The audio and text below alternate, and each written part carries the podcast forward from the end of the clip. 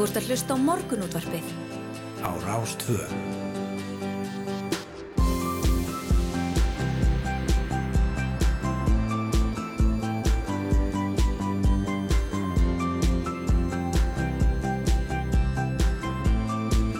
Morgunútvarpið Á Rástvö. Jú, við bjóðum góða dag hér í morgunúðarspunni á Rás 2, Snæra Sindardóttir og Yngvar Þór Björnsson sitta hér í hljóðveri 2 í efstaleti 1 og ég veit ekki betur en það sé 16. ágúst. Það er 16. ágúst, klukkunum vanda tímyndir í sjö og það er afskaplega gott að hitta þér aftur í, í hljóðverð 2. Já, Þetta gott að vera. Já, þetta er það. Ég er að koma aftur úr sumafrí. Já, með mitt. Ég er bara- svona nýkomin sem frí. Nákvæmlega, þetta sk- þetta skrýðir saman aftur þetta sumafrí. Já, nákvæmlega. það tekur sinn tíma alltaf. Já, algjörlega, já, já, þetta og það er bara mjög eðlilegt. Það eru ansi margir sem eru svona að koma úr sumafrí þessa dagana, myndi It's a season. Já, já, leikskólanar er að hefjast hjá þeim sem eru með leikskólapláss og, Já, og, og þar fram með til gödum. já, einmitt, þeir sem eru um leikskóla. Já, herðu, ég var að renna svona stutt yfir það, það sem er í, í þætti dagsins. Jú, jú, Við ætlum að byrja í kvalfjörðarsveitinni, það eru nokkuð deilt um fyrirhugaðan vindorkugarð að brekku í kvalfjörðarsveit og eh, heilbyðis eftirlit Vesturlands til að mynda það mikla áskorun að ná sátt um byggingu vindorkuversi svo lítilli fjalla frá sumurhúsum og lögbílum og skúli Móensen, eigandi sjópaðan í Kvamsvík, segir áforum einkennist af eh, einhvers konar fyrringu. Við ætlum að ræða við Andru Ír Arnarsdóttur oddvita sveitastjórnar kvalfjörðarsveitar en sveitastjórnin hefur ekki tekið afstuð til málsins svona formlega við fáum að hlera hana hvernig þetta blasir við þeim. einmitt. Bröðtertur skipa svo sérstakann sess á veisluborðum Íslendinga og það skipta ekki bara bræðgæðin máli og ekki síðu mikild að þær skefu vel skreittar. Nú stendur við bröðtertu keppni með eldgósa þeima hjá bröðtertu félagi Erlu og Erlu. En það voru hann hulda gíkstöttur sem að, rætti við Erlu Hlinsdóttur, Já, aðra þessara Erla og uh, já, hún ætlar að segja eitthvað betur frá þessu. já, já. Og um, hér um kortir í átta ætlum að ræða við Arnar Egert Tórótsen aðjúndi í félagsfræði við Háskóli Íslands um áhrifavaldin Andrew Tate sem hefur ítt undir ofbeldi og haturs orðuræðu á samfélagsmiðlunum TikTok og víðar undarfærið. Nú nafn hans hefur verið slegið oftar upp í leitarvel Google en nöfn Kim Kardashian og Donald Trump til samans í síðasta mánuð og það hefur gengið mikið á í lífi hjá bæði Trump og Kardashian núna síðustu ég hugsa, mánuði. verið? Já. En það kallar eftir því að TikTok uh, skerist í leikin vegna þeirra skadalegu áhrifa sem myndbönd Tate kunnað hafa á hugarheim fylgjendans og við ætlum að ræða við Arnar Egert um þessi áhrif og, og svona áhrifavalda eins og Tate sem einhvern veginn ná miklu fylgi á sérstaklega TikTok. Sko svo við tala fyrir sjálf á mig þá er ég búin að fletta Andrew Tate upp einu sinni ég held Já. að ég sé búin að fletta Kim Kardashian upp tvísvar en uh, eins og segi, maður er ekki alltaf ferskur þjóðarinnar. Nei, nei, Uh, Fórsættisræður Norðurlandana hittust í gær og rættu meðal annars sameili varnarmál og orkumál í Evrópu en eins og þið lustundur vitið eru þau mál ansi mikið brotætt þessi misserinn vegna innrásar rússa í Úkrænu Það eru uppi að minnsta kosti tvö sjónamið hér á landum hvort Íslandi eigi að leggja rafstreng til Evrópu, selja þanga græna orku og svo framvegis. En okkur hér í morgunúttarpinu leikur hugur á að vita hvort stríðið í Evrópu breyti siðferðislegum skildum okkar að ykkur leiti í þeim efnum. Þar að segja hvort svo breyta geopolítiska staða kalla jafnvel og frekari breytingar á, í ákvörunum Ísland á sviði utanrikismála. Við ætlum að ræða þessar vangaveltur við Henry Alexander Henriksson, doktor í heimsbyggi hér upp úr átta. ég meit og sínar er rösti. Jú, jú, reytumundur Salman Rösti var stungin á sviði í New York ríki á 50 dag en um tíma leit ástandans ekki sérstaklega vel út. Það eru um 30 ár eða rúm 30 ár síðan að hveðin var döðudómur í Íran yfir reytumundunum og öllum þeim sem kæmu að útbreyslu bókarinnar Söngvar Satans. Haldur Guðmundsson reytumundur og þá útgefandi gaf þessa bók út á íslensku. Hitti Rösti fyrir um aldafjörðung síðan af því tilefni að norskur útgefandi bókans hafði þá numlega sloppið undan banatilræði. Og hann ætlar að vera gestur upp klukkan hálf nýju, tala þess um þessa bók, hvernig þetta hefur allt saman verið þessi döðadómur og, og, hérna, og kannski þennan norska kollega sinn sem að, að hann þekkir mjög vel og eins og segi, slapp numlega undan Já, já. banatilræði fyrir, fyrir aldafjörðung. akkurat. Það var einmitt eh, rætt við fjölskyldur östis núna í, í gær svona í, í hérna, alþjóðlegu pressunni og um, þar grein frá því að þeir eru ekki lengur á öndunum að halda Já, og, um, en endali líklegt að hann missi auga skils mér einmitt. en um, sonur östis að hann, hann haldi í kímnigáfuna. Já, það er náttúrulega langt mikilvægast. Það er náttúrulega mikilvægt og, og einhvern veginn ótrúlegt þegar maður hefur gengið í genið svona og, hefur mist augað og, og hérna og kemst lífs af eftir svona að hérna að geta haldið í kímnigáfuna á, á sjúkrahúsinu? Já, hann er náttúrulega búin að þurfa að búa við alveg óhemju öryggisgæslu í, í ára tíu og var eitthvað nefn Mhm. byrjað að slaka mjög mikið á henni. Já, já, Það er svona ekkert, er ekkert mjög langt síðan hann sagði að hann yrði nú eiginlega bara að fá að lifa lífinu. já, Uh, þannig að það er spurning hvernig hann er, hvernig hann líður núna, hvort það sé eftirsjá í honum, hvort það sé léttir, það getur líka verið. Að svona, það sé búið að svona, ég maður að segja, taka toppin að þessum ísjaka sem er búið að, að, að sko liggi svo mara yfir hann mjög já, já, akkurat. Það verður alltaf áhört að, að ræða við hann Haldur hérna og eftir og við endum þáttin eins og alltaf annarkvæmt þriðju dag á því að ræða við eh, Guðmund Jóhansson tækni spekulantin okkar, hann ætlar að tala um eh, neturiki og já. sem er nú viðeigandi núna Já, það er bara alltaf gummils á ný, sko. Já, Hér á forsu frettablasins er ákvæmlega falleg svona bleikleit mynd. Þetta er frá gósstöðunum, ég held að það sé alveg augljóst. Hún er, uh, það er Anton Brink ljósmyndari sem að beinir uh, sko linsunni að, uh, hann beinir linsunni að brekkunni þar sem að, hópur fólks er komið saman þess að fylgjast með gósinu. mm Uh, Ferðamálastofa taldi að yfir 18.000 manns hefðu heimsótt svæðið um helgina en það þurftu 17 einstaklingar á aðstóða að halda niður á fjallinu á sunnudagskvöld. Fréttablaði skoða aðstæður og ljós koma lang flestir gestir voru velbúnir og var mikil gleði ríkjandi. já Hér á fórsíða morgunblansins er rætt um þá staðrind að erlendir já, ríkisborgarar nú um 60.000 talsins hér á Íslandi og um, já, já, það er svona verið að taka saman hversu mikið fólk hefur fjölgað úkrænskum ríkisborgurum hefur fjölgað um 564% frá 1. desember. Eh, hér er líka talað um tölur frá Venezuela þeim hefur fjölgað eh, umtalsvert um 60% á þessu tímabili en nú eru 728 einsælingar með Venezuelst ríkisfang búsettir á Íslandi og pólskum ríkisborgurum fjölgað á ofangröndi tímabili einnig um 5,5% eh, stöðugri þróun þar. En mér langar nú að lesa líka hérna aðra frétt á, á fórsíða morgunblassins sem fjallaði um það og, og þetta er fyrirsögnin Rófan aftur í tísku Ha? gamla góða íslenska gulrófan er að komast aftur í tísku með uh, ráleikingum meistarakokka um uh, breytta matrislu og hefur það leitt til aukinar sölu að sögn uh, Gunnlaugs Karlssonar framkvæðastjóra sölufélags garðurkjumanna Gullrófur er með þeirra matjúrsta sem fyrstar náðu útbreystu meðalansmanna og átti verið hluti á fæðu Íslendinga í tvær aldir, það eru sé vítamin auðugar og það er stundu kallar appilsínur norðursins appilsínur norðursins aftur í tísku. Þetta eru Þetta er góð tíðindi Já, eh, sko, veistu hvað, ég held að á vera að tala um, ég held að vera að tala um svona skott í hárinu. Þessi strákar alltaf með þinn. Já, á, einmitt, ég held að það sé lengra, ég vona að það kom ekki átt. Ég búin að það koma aldrei Nei, aftur, þannig að ég hérna, Það var eins og góð svona, hérna, bara svona forsýði mynd á morgunblæðinu. Það var einhver með skott og bara róman aftur í tísku.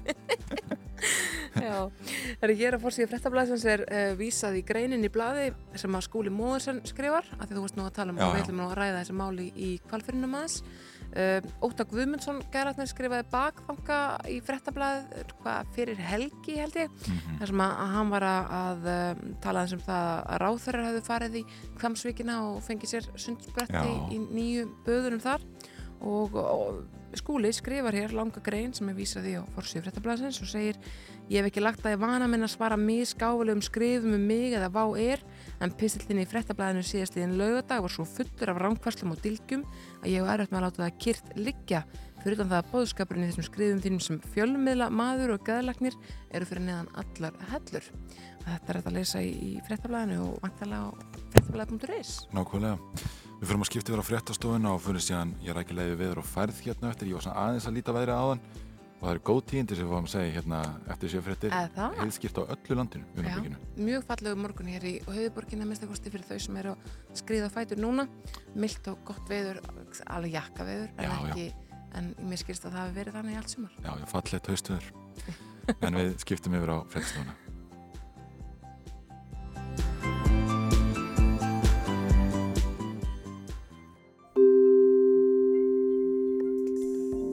Sveppatýnsla og greining með Guðriði Sveppafræðingi þriðjudaginn 16. ágúst tilrauna eldhús Hallónstaða skóla.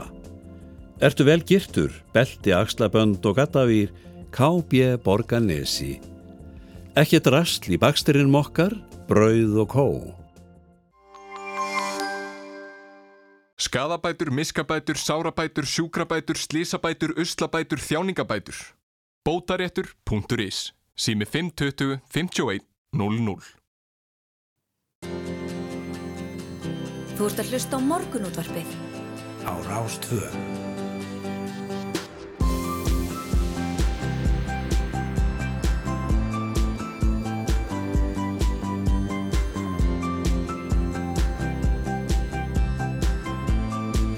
Morgunútvarpið Á Rástvö. Jú, morgun út að býður góðan dag þriði daginn 16. ágúst, sjöfrættir að bækju og það er yngvar Þóru og Snæru Sindradóttir sem alltaf sýti hérna með ykkur til klukkan nýju með sneisafullan þátt af alls konar gúmilaði. Já, algjörlega. Við ætlum að ræða mál Salmans Rösti reytuundar við hann Haldur Guðmundsson sem að, uh, já, gaf út bókina Söngur Satans á íslensku. Haldur hefur hitt Salman, einn þarra Íslendinga. Já, já, Þannig að hérna, þó þessi langt síðan þá uh, svona, já, getur kannski aðeins gefið persónulega insýn inn í þessa baráttu sem að hefur staðið yfir sér 1988. já, nákvæmlega. Við ætlum líka ræðins deilur í kvalferðarsveitum uh, fyrir hugaðan vindorkugarð þar uh, Skúli Móinsen kallaði þetta fyrringu uh, og, og fleiri hafa verið gaggrínir á, á þessi áform.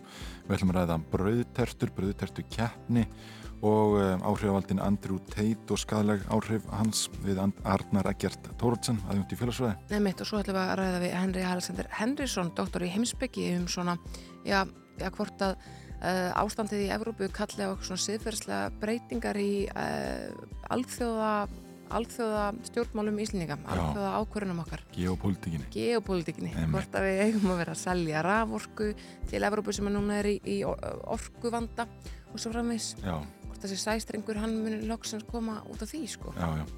En eins og nefndum hérna áðan þá uh, flyttum við góða fréttir í, í, í veður hlutunum okkur í þetta skiptið. Það er sólríkur dagur framöndan í flestum landslutum í dag en þyknur heldur upp suðvestan til á landinu með stöku skúrum þegar líður á daginn. Mikla breytingar á veðri til morguns í víðáttu mikil lægð nálgast eh, landið úr suðvestri.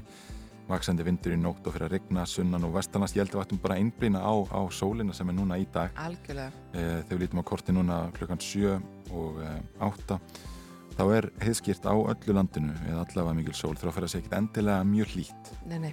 en eh, svona hérna hæg breytil átti mitt og, og, og þurft og bjart getur við sagt nú vonu að tvekjast það að tölum allstaðar í, í byggð svona um uh, hátæðspil. Já, já, Það er það sem við viljum sjá, tvekjast það að tölur. nákvæmlega Uh, hér á vegagerðarnar eru þetta ýmsar framkvæmda fréttir. Hér er talað um það að í kvöld þá verður þessi stemt að malbygga báðar akarnir á Vesturlandsvegi við Kvalfærðavega á Kjalanesnu. Á Suðurlandsvegi stemt að því að fræsa akarinn til austurs fram hjá litlu kaffistofunni. Það er unnið að lagningu klæðningar og þingvallavegi á Mósvells heiðinni og þar er umferðastýring uh, og svo er eitt og annað hér uh, en allar helstu leiðir eru á hálundinu eru opnar fyrir þau sem eru leiðinni á lögavegin Já, eða eitthvað annað. já, já. Það er spurning hvort við fáum fyrsta lag dagsins. Þetta er Blistið þeir Sun með Violet Femmes. Einmitt, gaman að því.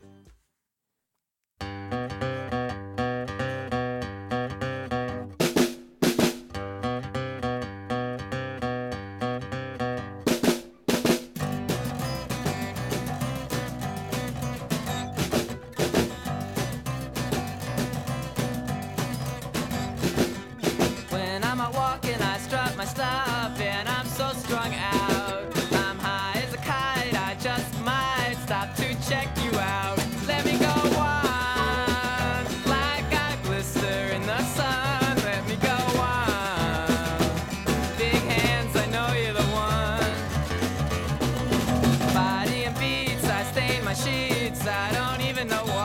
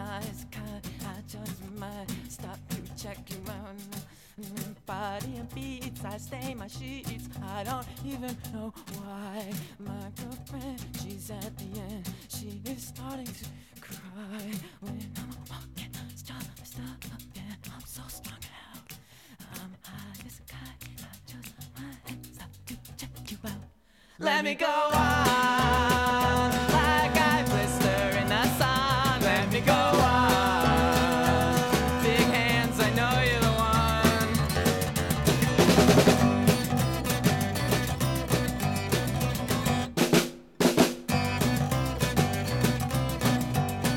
Morgun útvarpið á Rástvö. Jú, jú, herði yngvar, hvernig myndi þið finnast að vera lokaðurinn í IKEA í tvo sólringa? Ég var einmitt að hugsa það.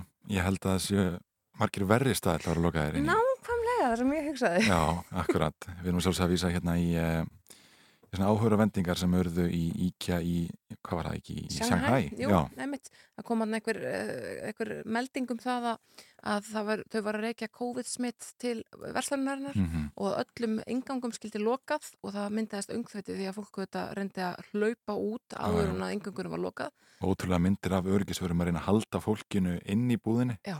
Og með, meðan tugið er að gera, gera að svo aðeim. um eitt til þess að reyna að komast út en sko ég ég held, ég vil, ég, auðvitað vil maður alltaf meina í einhverjum erfiðum aðstæðum það myndi maður bregðast rétt við þegar maður hefði sé múgin reyna að berjast gegn öryggsvörunum hefði maður það ekki bara vel sér bestarúmið á meðan jú, ég held það, ég held það. Eða fundið sér einhvern góðan djúpan söturhamn sófa og hérna, látið fara vel um sig. nákvæmlega, eitthvað góðan hægindastól eða eitthvað, eitthvað slíkt uh, tekið hérna mættu, mætt fyrstur í, í röðina í, Já. á veitingastæðin Já, auðvitað. í svenska Já, kjöldbóla alltaf hann að vera með sólaringsofnum bara hana. ég meina hvað, Ég ætla að vona það. ég ætla að vona að fólk að fengja að borða það Já, já, já þetta, þetta er hluti af þessari hérna, uh, þessari, þessari stefnu, kynlíska stjórnvalda að, að, að ekkert smita yfir í samfélaginu. já, við erum með svona núlstefnu Já, Þannig að það er hérna, eins og segi, ég, sé þetta ekki alveg gerast hér í Garabænum en, en, nei, nei. en þetta er, eh, sko, eins og segi, það ertu verri staðar til að vera lokaðarinni heldur en íkæði tóðsólringa. Já, já, og tvekja mánu útgöngubanni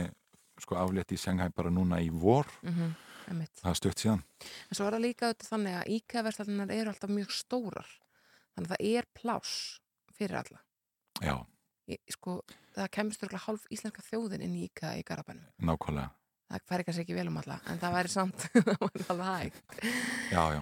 Já, já, og bara hérna fýtt prísa á matnum, Nákvæmlega, það hérna- nákvæmlega. Ég rétt að vona það að fólk ekki. ekki þurft að borga fyrir matinn á þessu sinni. maður veit aldrei. Það er spurning hvet eitthvað skelling hvort það séu stjórnvöld eða hvort það sé sko, sko íkveða á alþjóðavísu sem Já. að þarf að bor- borga fyrir þennan og mæntar að borga fyrir sótrinn svona okkur með einasta sófa. Ég, það hlýtur að vera, það Þetta, hlýtur að vera. þetta er smá ferli sem fer í gang. Já, já, það, ég minna, einhvað þarf að gera. Eitthvað þarf að gera. Ha.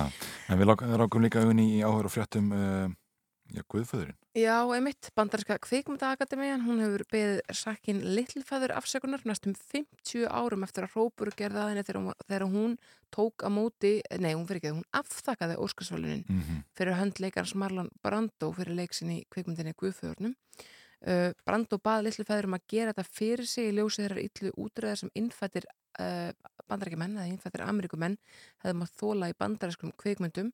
Hún er sjálf um, af Apaki og Yukui ættum Mm uh, í Ameríku. Það magna að horfa á minnskið af þessu þegar maður heyrir, heyrir baulið og, og, og síðan líka klapp í salnum eftir, eftir að hún líka málu sínu. Já, En Brandur var þarna búin að semja fyrir hana 15 blað sína ræðu. einmitt. Uh, sko, ég, þetta er eitt af svona stóru augnablikum í á Óskarsvæluninu.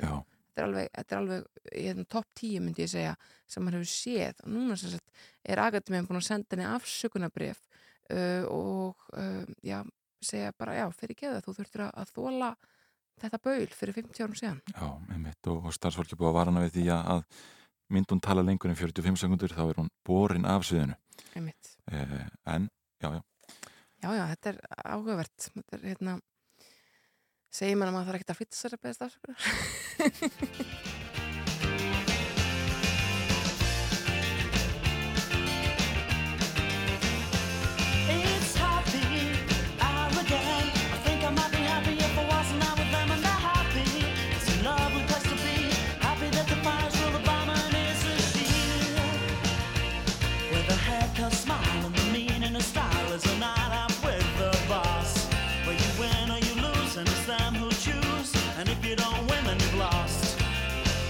What a good place to be.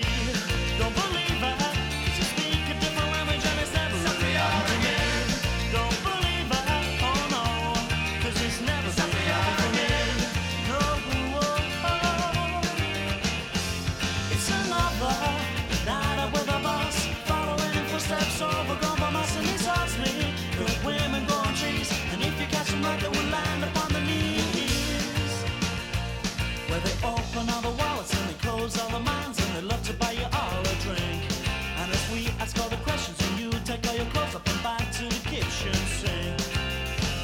What a good place to be.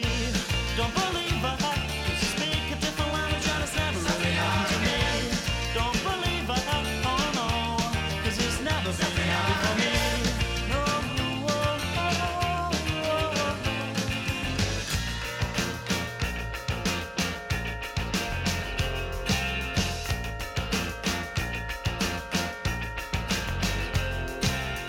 oh. What a good place to be.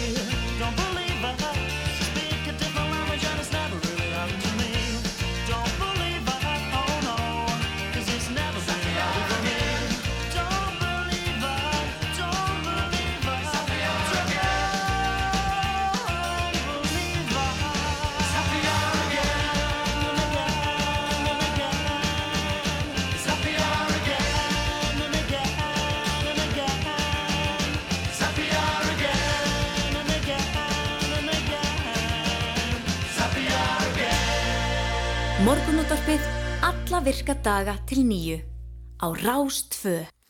Morgunúttarpið heldur hér áfram og við ætlum að þess að ræða já, mögulegan vindorkugarð að brekku í kvalfyrasveit sem nokkuð hefur verið deltum. Helbriðis eftirlit Vesturlands til að mikla áskorunum á sátt um byggingum vindorkuvers í svo lítilli fjalla frá sumurhúsum og lögbílum og skúli Móensen eigandi sjópaðan í Kvamsvík segir að áformin einkennist af einhvers konar fyrringu. Andra Ír, Arnarsdóttir Ottviti sveitastjórnar kvalfyrasveitar er á línni, góðan daginn. Já, góðan daginn. Sko, þegar, þegar rætt var um, um þessa vindorku garða þarna fyrst, byggustu við allir þessari gaggrinni? Uh, já, bara þetta kemur mann svo sem ekkert á óvart verð ég að segja og ég skil alveg að þetta sé hita mál og, og það fyrir ekkert fram hjá okkur til dæmis í sveitastjórninu að þetta er svo leið og ég skil til dæmis líka alveg vel að fólk vilji fá svör til dæmis eins og frá okkur en þá bara getur sveitastjórninu ekki gefið út afstöðu af eða á afsóstöðu en bara þú veist einfallega að því að þetta er bara ekki komið inn á okkar borð að öðru leiti en að gefa umsóknum að það allir framkvæmdurinnar Já. Já, En- Já, en, en vantalega er skipulags sko valdið, það, það er vantalega hjá ykkur í sveitasöndinni. Já og það er alveg eins og kemur fram í tilkynningu sem við ákveðum að senda frá okkur inn á, inn á hérna, heimasíðu sveitafélagsins að þetta bara eins og framkvæmdin er líst akkurat í draugum og matþáðlum framkvæmdaraðala að þá er hún ekki í samræmi við gildandi aðskipulag og heldur ekki endur skoða aðskipulag sem að á að gilda til 2032. Nei. Þannig að það er kannski ekki endilega líklegt að þessu verði eða hvað? Það er allavega erfitt að, þú veist, að þetta er allavega samræmist ekki skipulaginu. Nei. Þetta er kannski mjög loðið svar en það er allavega, það gerir það allavega ekki. Nei, nei. Sko, uh, í, í kvalfærasveitin eru þetta tölvert af sumarhúsum og hann er færað þjónustæðins og, og yngar koma að, áðan um, en Já. hversu margir eru það sem að, að hérna, já, að láta þessi mál sig eitthvað varða sem að í raun og veru búa ekki þarna, eiga ekki lögheimili í sveitafélaginu og, og hafa þar með svona formlega lítið um þetta mál að segja. Já, það er auðvitað líka stór hluti, sko. Þetta er náttúrulega líka bara svakalega nýtt, bara á landsvísu bara vindorkugarðar, þannig að það eru fullt af um- hérna umsögnum þarna sem eru kannski ekki, ekki íbúar eða þeir sem að Nei. búa hér, en það er þetta bara gott að sem flesti láti bara skoðanir sínur í ljós og við bara fögnum því hverju svo sem umsögnunar eru og hvernig veginn það eru, að bara sem flesti láti í sér heyra og, og komið með skoðanirna sína fram. Já. Þessi gaggrinni sem ég las hérna áðan er, er einmitt uh, sko helst úr umsögnum stopnana við þessa matsáallun en hvernig hljóði bara í, í, í almennum íbúum hana? Þetta er auðvitað bara eins og ég sagði hann bara, bara klálega hýta mál og það bara fyrir bara ekki fram hjá neinum og, og þetta er ekki tægt að horfa fram hjá því að það verðist vera skýra afstæða hvað þetta mál varðal með margra í sveitafélaginu og en, eins og segir hann það er líka íbúar og landeigendur og frísnundahúseigendur og aðri hagsmunnaðalar en þú veist þetta er náttúrulega komið í fáðum undirskriftalista til dæmis og líka umsagna Já. Þannig að, og við tökum þetta sjálfsögðu alvarlega í sveitastjórninni, við gerum það sjálfsögðu. Já, já. Og, og hvað, tek, Og- hvað segir Já, nei, bara því að þetta er bara svo mikilvægt að einmitt að við höfum nú ekki haft mikil samskipti til dæmis af hérna fyrirtækinu að þetta er svo miklu byrjunastíði inn á okkar borði. En það var þannig að fór samráðsfundur eins og kom fram í tilkynningunni á senast ári. Og það var enda fyrir mitt, ég var ekki, satt ekki í sveitarstjórn þá, en þá var alveg ítrekkað mikilvægi samráðs við nær samfélagið að við, það var ítt undir það, hérna að það eitthvað gert. Mm -hmm, Þannig að þetta, eins og segi, eins og það er í raun og veru ekkert vísta af þessu verði og, og það, þetta á allt saman eftir að fara í gegnum formlegt ferli.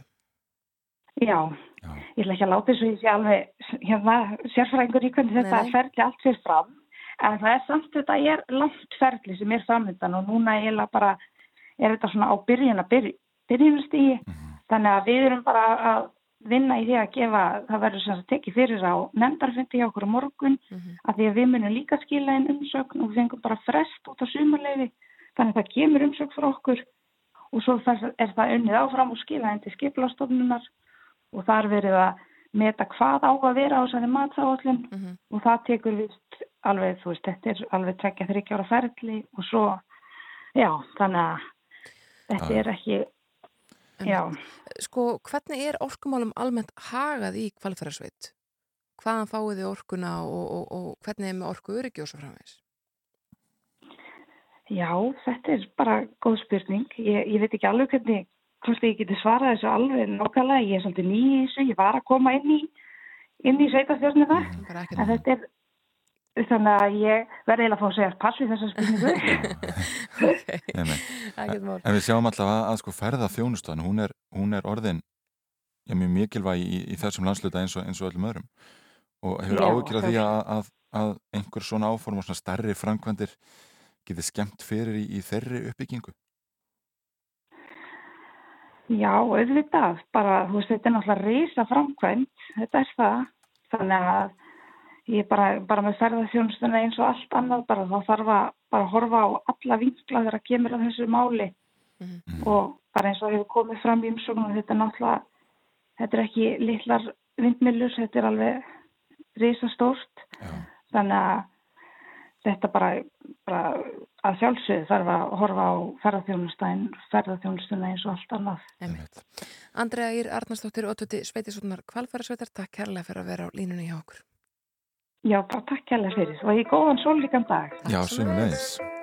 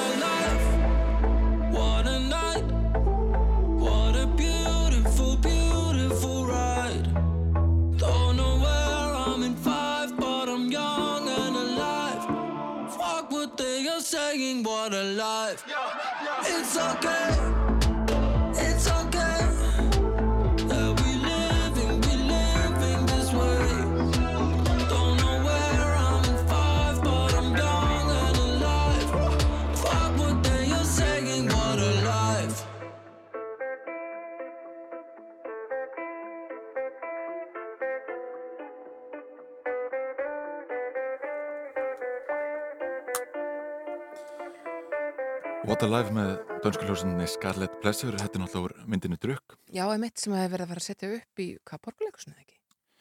Jú, það. Já, ég held að, eða já, ég man ekki, ég held að það sé verið að fara að setja upp drukk, sem sagt, uh, leikritið. Já, já, við vorum upp að rífa það upp hérna í, í gæra að, já, sérst greina frá því hérna í gæra að Danska Hilbriðstofnun hefur sendt mentaskólunar sér bref þar sem óskæður eftir því að hægt verið að gera áfengi hátt undir höfði á, á mentaskóluvipurum. Já, emitt. Það var að grípa, eh, já, einhvað að reyna að breyta því allavega að danskir úlingar drekki mest allra í Evrópu, sakvært nýri konun. Já, ég held að, að mér skilst að þetta sé ekkert sérstaklega mikið vandamál lengur á mentaskólabölum hér á landi. Það Nei. er alltaf svona edrupottur sem að, sem, það er mikils að vinna hann, Það er til mikils að vinna, það er Já. eitthvað er. emitt. Þannig að, að hérna, mér skilst að þetta sé, já, bara svona á, ágætis siglingu þessum, þessum málum þar segja drikkjumál íslenskara ungmenna. Já. Mm. Uh, hér á Forsíu fréttablasins er greint frá því að uh, neytindarsamtökin heikist látt að gera allsherjar úttekt á tryggingamálum hér á landi en síðastlega första kom fram í þessu sama blaði að ábyrðar og kaskotryggingar séu um það vel fimm sinnum dýrari hér á landi en í Svíþjóð og Breitlandi uh, og þar talaði með annars að yðgjöld fyrir run og kapturbifrið nefnir 177 krónum á ári en á bylunu 33-38.000 við Breitlandi og Svíþjóð Uh, Runur Ólafsson, framkvæmtastjóri félags íslenskra bifriðaeganda, hann segir yðgjöld bifriðatrygginga óeðlega há vegna fákeppni hér á landi. Við erum auðvitað svo fá og trygging er svona, tryggingar er svona, það er svona pílindi socialist system að við borgum öll. Sameiginlegur og- pottur. Já, nákvæmlega, borgum öll og, fáum hérna, fáum út ef við þurfum að því að halda Já. og þá er þetta, já, segir sjálft sjálft að ef við erum örfá þá, þá, uh, Það var þetta erfiðara. Já, þau eru erfiðara. Herra, við fyrir að skipta yfir á fréttastofun að fá frétta við lit núna klukkan hálf átta og, og síðan ætlum við að, heyra áhört vita sem held að gestóttur okkar tók við Erlu Lindstóttur um bröðtertur sem skipa sérstakans þess á veislubórðum Íslendinga og, og þar skipta ekki bara bragð gæðin máli. Mm. Það er ekki síðan mikilvægt að skreita terturna vel og nú stendur við bröðtertu keppni með eldgósa þema. Já, emmitt. Gána því.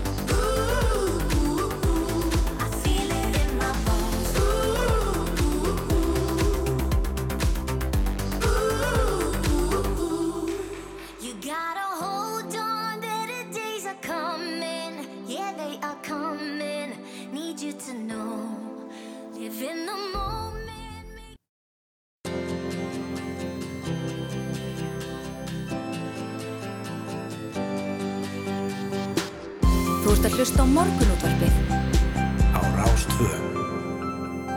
áður fjallað um brauðtertufélag Erlu og Erlu sem að er vaksandi félagskapur áhuga fólks um brauðtertu gerð og nú stendur eh, félagið fyrir brauðtertu keppni, ég hef nú gert það áður og ég fengi aðra Erluna, Erlu Hlinsdóttur hérna til okkar í morgunúttarpi til þess að fara aðeins yfir þetta með okkur, velkomin. Já, takk fyrir. Hvað, sko, þegar við heyrðum af félaginu fyrst þá var þetta nú svona bara eh, svona gert til skemmtunar en, en einhvern veginn sprakk út og, og það kom í ljós alveg gríðalegur brauðtertu áhugi landsmála. Já, ég man eftir að við komum hérna í viðtal þegar það voru í kringum 2000 manns komnur í hópin og okkur þótti það stór merkilegt. Já. En núna er þetta orðið, orðið 14.000 manns. Þannig að þetta er ágætisaukning og orðin bara stór og, og myndalegur hópur. Já, og þetta er Facebook-hópur sem að fólk er að að byrta myndir af brauðtertum í og, og, og svona segja frá því sem að þau eru að gera og, og það er eitthvað að dett inn bara í hverju viku. Já, það er, fólk er ótrúlega döglegt að, að gera virkilega flottar brauðtertur og, og það er myndið og þú segir, þetta eru, eru aðla myndir, hann minna um uppskriftir en, en nokkar þó. Já.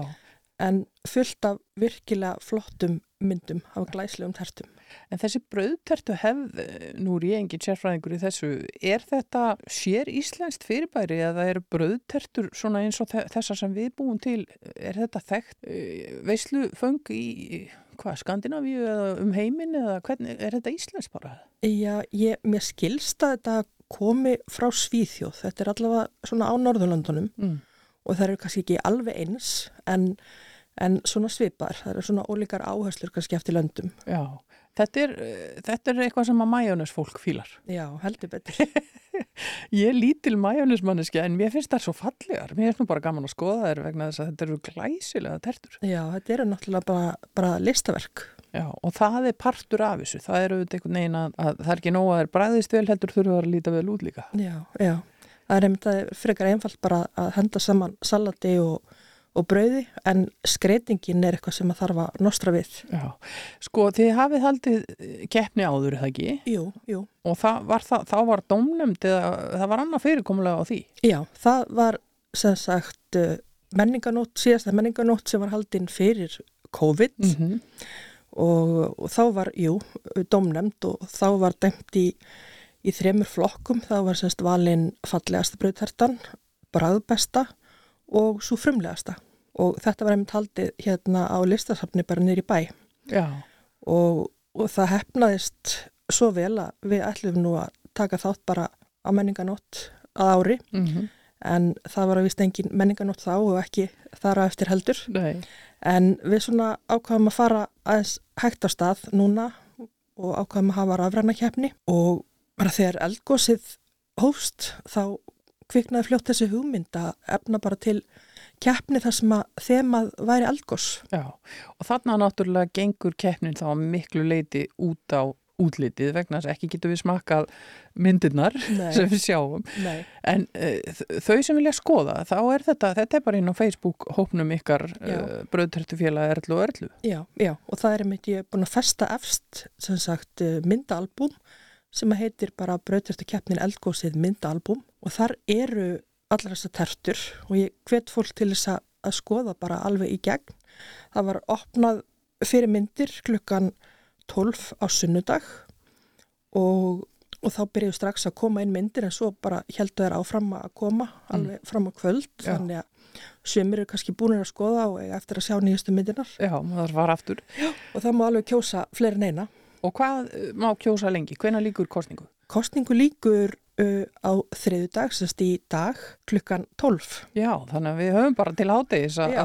skoða alla tertunar og kjósa. Já. Og, og þetta er einfalt, þetta bara snýst um að, smetla læki á myndir. Já, og mér er sér til þess að vera ekki að flækja þetta ef að fólk setur óvart reyðikalla þá er það bara í góðu lagi. Við bara teljum öll lindistákn sem stig. Já, það er eitt stig fyrir hvert lindistákn. En uh, sko, þetta er ótrúlega sko, sköpunagliði og hugmyndir sem að koma þarna fram. Ég er búin að vera að skoða terturnar hérna í, á Facebook og þetta er alveg magnað uh, hvað fólki dettur í hug. Þetta er nefnilega algjörlega ótrúlegt og já, þetta er bara, þetta er algjörlega þess virði að skoða þessar tertur. Já, en þið, eh, Erla og Erla, þið fáðu náttúrulega ekki að taka þátt, þið eru bara að halda utanum þetta. Já. og fáið heldur ekki að smakka. Ég meina, mér finnst að ég að senda ykkur allavega hana sínu svo. Já, það, það er nú örgulega búið að borða bara meir hlutan af þessum tertum núna. Já, þegar kefni líkur. En hvað gerist síðan, uh, það er eitthvað sem að færi flest stig vantarlega Já. og, og, og er eitthvað velun eða hvernig fyrir það fram? Já, það eru sérst velun og við veitum velun fyrir fyrsta, annað og þriða sætið og þau séu veglegust fyrir fyrsta sætið Mm. og, og svo brauterta sem að þarna fær flest stig verði valin uh, í eldgósi 2022. Já, eldgósa tertan í ár. Já, en það eru alls konar skemmtilegir vinningar. Það eru brautertu bakkar, nývar, egg frá landnámshænum og Já, sem ímislega sem tengist bröðterstu gerð, eðlilega. Já. En uh, sko 14.000 manns uh, í hópnum núna, ég reyna nú alveg eins með því að þeim geti eftir, fjölgað eftir þessa umfjöllun þar að segja þegar fólk er búið að fara hann inn og skoða núna. Já, já, og bara eftir þetta hófst uh, á sunnudag þá hafa streymt inn uh, indökubeinir. Að, þannig að það er mikill, mikill áhugi. Já. Hvenar hófst þessi bröðtertu áhugi þinn? Hefur alltaf elska bröðtertur? Nei, þetta er svona, hefur, já, ágerst með árunum. Það er áunin smekkur. Já, ég man nú alveg eftir að hafa borðað þetta samt þegar ég var, þegar ég var að batn og, og síðan er það nú mamma sem gerir ótrúlega flotta brauðtertur og hún er mitt vannum tíma sem smurbröðstama. Já. Þannig að- hún, hún er mun færar í skreitingurum heldur en ég en ég hef alveg alveg upp við svona fallegar skreitingar. Já, og þetta er einhvern veginn órjúvanlegu hluti af íslensku veisluhaldi, það er flottar bröðtertur. Já. Það hafa ekki eftir að breytast held ég. Ekki úr þessu, en hvert fólk til þess að kíkja inn á Facebook-hópin uh, Bröðtertufélag Erlu og Erlu og þar er hægt að kjósa til hádegis í dag og taka þátt í að velja flottustu eldgosa bröðtertuna. Takk Erla Lindsdóttir fyrir að kíkja við hjá okkur hér í morgunútarfinn á Rástvö og segja okkur svolítið frá þessu. Já, takk fyrir mig. We were so magical, why end this way? I know you're furious, you're just like me. You got good reasons, but I do too. What really happened here? I wish I knew.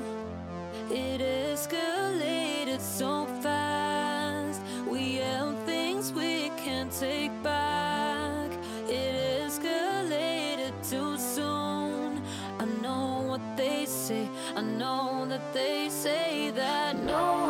one from love. Guess I'll be the first.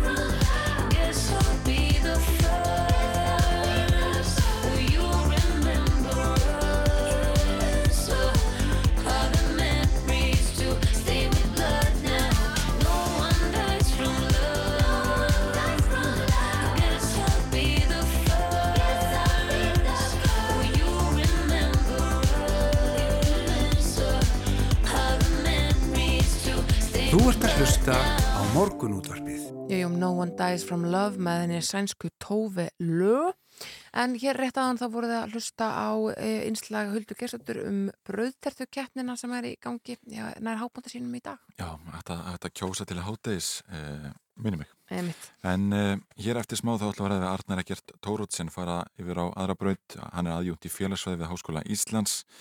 Við ætlum að ræða áhrifavaldin Andrew Tate Mhm. sem hefur ríkt undir ofbeldi og hatturs orðuræði á samfélagsmiðlunum TikTok og, og víðar og eins og nefndum hérna á nafn hans hefur verið slegið oftar upp í leitarvél en nöfn Kim Kardashian og Donald Trump til samans í síðasta mánuði. mm. Við skilst þetta sé eitthvað svona alltrætt uh, Trump-bildi þessi gæi Jú, ég held að hann degi sig, degi sig mm, já, mun lengra í alls konar öfga áttir. Já, emitt og já, þetta er holdgeringur eitrar kallmennsku Já, já, ég held að sjá þetta að segja það. Ég sjá þetta að segja það En uh, hann kemur hérna til okkar, já, eftir nokkra mínútur, við ætlum að fá eitt lag fyrst. Þetta er Lúser með Unstinni Manuel.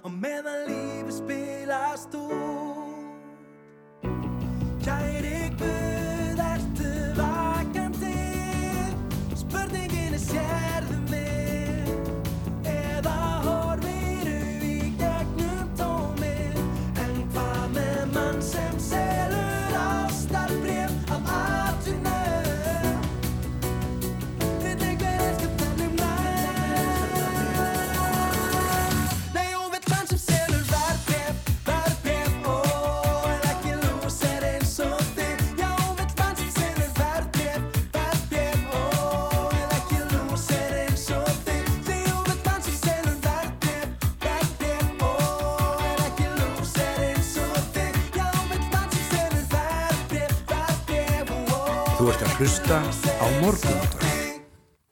Jú, jú, þér að hlusta morgunútvarpið. Morgunútvarpið heldur hér áfram yngvar Þór og Snær og Sindardóttir með ykkur til klukkan nýju og nú ætlum við að ræða áhrifavaldin Andrew Tate sem mikið hefur verið rætt um núna síðustu mánuði. Arnar Egert Tóruðsen aðjúnt í félagsfræði við Háskóli Íslands ríka komin, góðan daginn. Takk fyrir. Við byrjum bara, hver er Andrew Tate? Hver er Andrew Tate? Þetta er, já, svona áhrifavaldur. Um, TikTok er svona miðlinn sem hann hefur sem hann hefur náða klófesta Mhm. uh, fyrir um uh, sko, konar hérna box, boxari uh, var einhverjum raunveruleika þætti uh, upp alinn í Luton af, af hérna uh, lægri miðstjætt eitthvað svo leið sko. þetta er bara svona, þetta er bara dutti Mhm. og virðist vera algjört fíbl Já. Já, Það trúir svolítið á ofbeld gegn konum og svona. Já, og bara, eh, sko, bara komdu bara með það, sko. Hvað, hvað er best til þess fallið til að setja svona vatn á millu kölska? Já. hann bara er, er í því, sko. Já, já, og rekur einhvers konar píramíndasvindl samhlega þessu, það sem hann er að fá fólk til að deila þessu og, og Mm. það fær pening fyrir. Mhm, og pening fyrir að fá aðra til að deila. Já, Eh, við byttum nú við, ok, hérna bakkið aðeins. Þannig að ef þú deilir færslu frá honum, þá er þið, þið, þið, þið borga fyrir það. Ég held, ég held að þetta byggist einhvern veginn á því að þú ert að fá einhvern til að íta á, á hlekkin eða eða eitthvað slíkt. og, og þess vegna minna, Nei, á- sko ástæðan fyrir því við erum hér er einmitt að hann ræsir hann út hér í gegnum það sem er kallað er Hustlers University. Já. Það er hann búin að hlaði inn einhverjum hérna jáðarsettum einmanna hvítum köllum sem borg einhver áskrift og síðan er þetta sett í gang einhvers konar hérna átak þess vegna er þetta út um allt á TikTok og sprettur upp allstaðar ég var um þetta að tala við dóttur mína ekki að er og þú veist þetta er bara sem sagt, þetta er bara eins og hérna sinveldur sko. Já. En hvað er þetta að gera? Ég meina, nú hefur kallað til því að TikTok skerist einhvern veginn í leikin Eh, er það hægt? sko þessi fyrirtæki samfélagsmiðla fyrirtæki munu aldrei gera neitt ef, ef þau eru að sjá einhvern pening sko. Mhm. við þurfum að hérna, skilja það að hérna, Facebook og, og TikTok og Instagram. Þau hafði ekki tekið eftir þessu, þau segja alltaf eitthvað. Við erum hérna, committed to en þetta er bara hjóm sko. þannig að hvað er þetta að gera? Þetta er auðvitað stór spurning og ég er auðvitað sem svona félagsfræðingur spá í sko samfélaginu, hópum, samskiptum og svona, við þurfum auðvitað að skoða bara eh, frekar hvað er það sem gerir þetta kleift. Og þú veist það eru ýmsir þættir. Eða þú ert bara, þú ert ekki að leggja mikla vinnu til að hérna, hérna leika á internetið Nei. og hérna manipulera algoritman sem hann er að gera. Annað með samfélagsmiðla þú veist það er tiltölulega sko, fyrir ákveðna aðela auðvelt einhvern megin að, að búa sér til rýmiðar og en, en þú veist hvað er það í samfélaginu sem svona stiður við þetta í rauninni og býr þetta til? Hvað, hvað getur við kallað þetta? Eitruð karlmennska, einhver skilaboð og auðvitað einhvers konar kölddirkun sem, sem ákveðnir hópar er alltaf dálítið viðkvæmi fyrir. Og, og þessi hópur, eða svona, já, það nefnir eitra kallmennsku, það hefur verið mikið, sko, það er ekkert mjög mörg ár sem maður heyrði fyrst hugtakið hot take. Já, mhm. Þetta er mikið í þessum hópi að þóra að segja það sem að meginströymurinn vill ekki, góða fólki vill ekki að þú segir eitthvað. Nei, nei, einmitt, einmitt og hann, hann er allur í þessu sko Já, einmitt. Og við sjáum hann tala meina, gegn barötu hins einn fólks og, og réttindum kvenna og, og annað slíkt. Við sjáum þetta mikla baksla núna einmitt í barötunni hjá hins einn fólki sem er alltaf miklu meirinn baksla einhvern veginn. Þetta er orðin bara einhvern veginn árása þeirra réttindi. Algjörlega. En, Mhm. mm. en sko hvaða áhrif getur svona maður haft og er hann að draga, er hann að, að sko, er, er, eru þar skoðinni sem hann lýsir þarna, Mm. eru þær að hafa mikil áhrif á, á hugarheim fylgjindans eða, eða er hann bara að, að varpa ljósi á ákveðin samfélagsóp sem alltaf allir staðar? Ég held að þetta sé bæði rétt sko, ég held að einmitt að sé, sé að varpa ljósi á það sem er sannlega að þrýfast það sem er svolítið sérstætt við þetta, þetta er dálítið svona hérna, afsakið slettunar, hérna bragðmán, og ég er ekki að sletta, bragðmánaðarins. Uh, hann er dálítið þannig að því að þú veist, hann er ekki tökum sko menni svo Jordan Peterson sem sko setur út myndbönd og hérna, þú veist, hann hu- hugsar uh, hugsar sína ræður og svona, það er einhvern veginn öðruvísi. Þú veist, eftir kannski hálft ár erum við að tala um annan hérna Andrew Tate, skilur Mhm. ég held að, og ég var að lesa grein um þetta að hérna, nú eru allir að fjalla um þetta, þú veist, Ríkisútvarpið Guardian og síðan dettur þetta niður kannski eftir viku Já.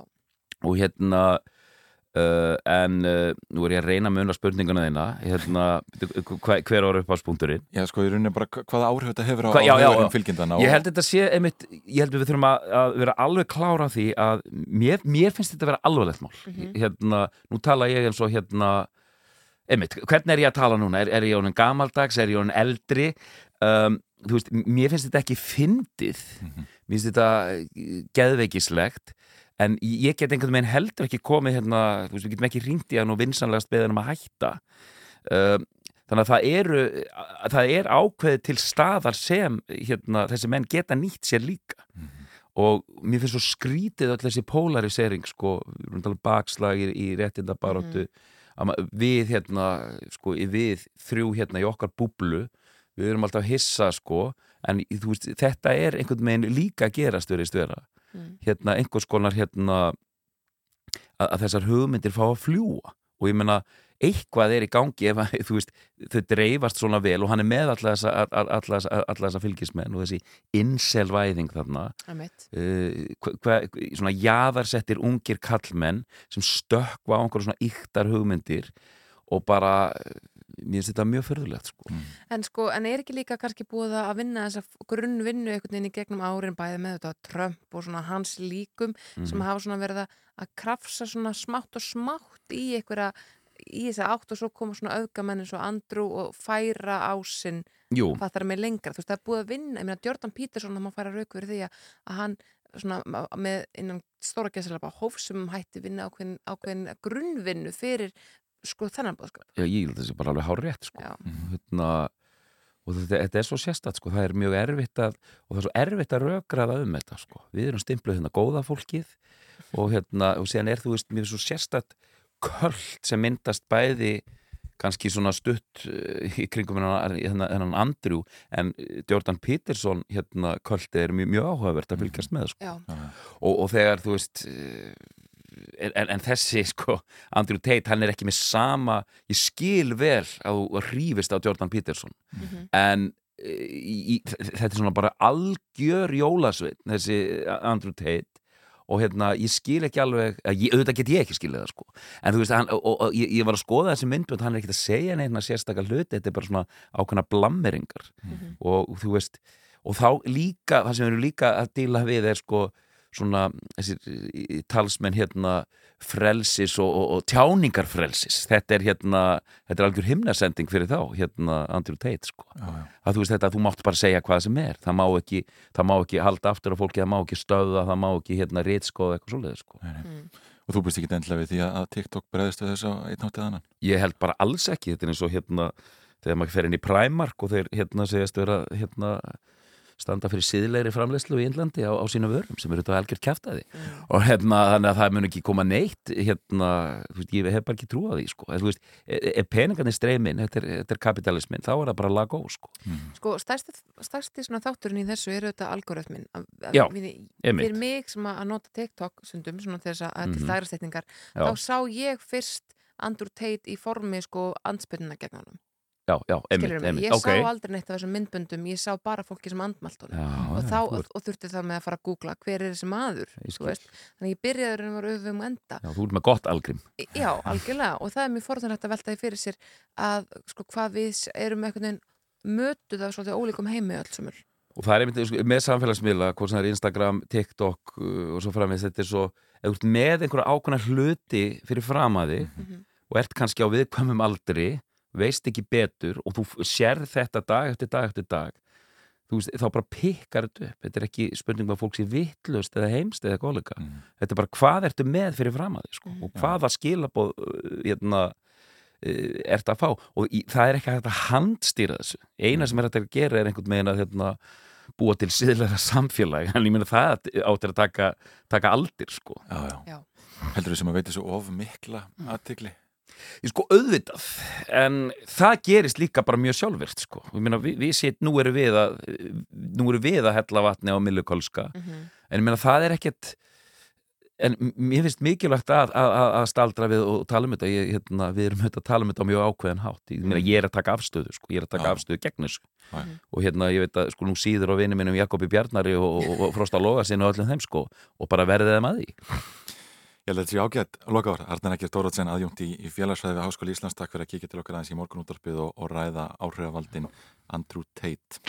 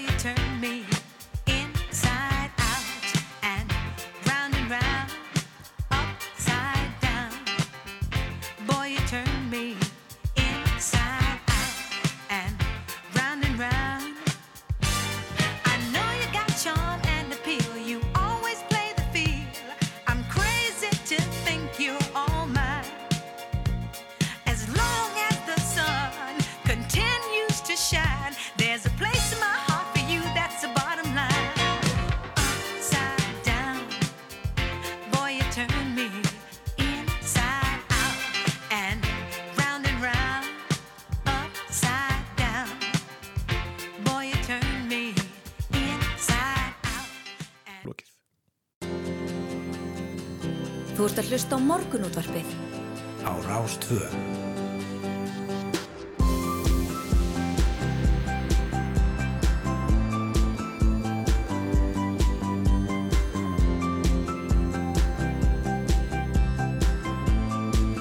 Morgunútvarpið Á Rástvö.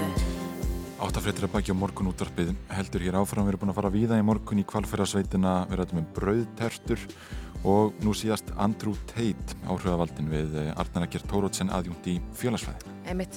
En næsta mál á dagskrá, fórsættisráðurar Norðurlandana hittust í gær og rættu meðal annars sameilig varnarmál og orkumál í Evropu. En eins og þeir hlustundur vitið mæta vel, þá eru þau málan sem ekki brota þessa, þessa misserinn vegna innrásar rúsa í Úkrænu. Já, varandi orkumálinn þá eru upp að minnstakosti tvö sjónamið hér á landi um hvort Íslandi að leggja rafstreng til Evrópu, selja þanga græna orku og svo framvegis. En uh, okkur hér í morgunútvarpinu leikur hugur á að vita hvort stríðið í Evrópu breyti svona siðferðslegum skildum okkar að ykkur leiti í þessum efnum. Það er að segja þessi breyta geopolítiska staða hvort hún kalli á frekari breytingar á ákvörunum Íslands á sviði utan ekki smála þar sem að var í gildi fyrir árið síðan sé ekki lengur í gildi og svo framvegs. Og til þess að svona kynnta undir þessa vangaveldur okkar er mættur yngað Henry Alexander Henrysson, doktor í heimsbyggi, verðu velkominn. Já, góðan dag. Þetta auðvitað svolítið flókin spurning og, og e, sértaka einhver leiti en, en hérna við veltum fyrir okkur svona siðferðslegum uh, skildum Íslands á uh, ófriða tímum. Hvernig, veginn, hvernig blasir það við? Það er náttúrulega alveg augljóst að þarna, ég held að við skiljum það öll að þegar ófríður geysar þá breytast alls konar forsendur. Uh, við þekkjum þetta kannski best í sambandi við hvernig fólk hefur svona kannski tekið á móti eða bröðist við í sambandi við flótamenn. Það var kannski svona fyrstu viðbröðin að þarna, svona viðþór breyttust og fólk gerði sér kannski betur grein fyrir þeim skildum sem að svona getur þurft að axla í sambandi við það. Og svo er náttúrulega mörg fleiri svona sjónahorn á þessu og þú nefnir orkumálin og þau eru svo sannarlega einhvað sem hefur hérna, verið mikið umræðinni við sáum hvernig orku verður rauku upp og hefur kannski einhvað aðeins lagast en við horfum fram á erfiðan vetur, ég held að sé allir búin að spá því og þá náttúrulega er konar upp aðra forsendur og það er náttúrulega það sem við erum alla dag að velta fyrir okkur meina hver, hverjar eru forsendurna fyrir hvaða forsendur liggja ákvarðunum okkar til grundvallar og stjórnmálamenn taka ákvarðanir og það er ekki skrítið að þeir velti fyrir sér. Nú eru forsendurna að, aðrar þurfum að taka aðrar ákvarðanir.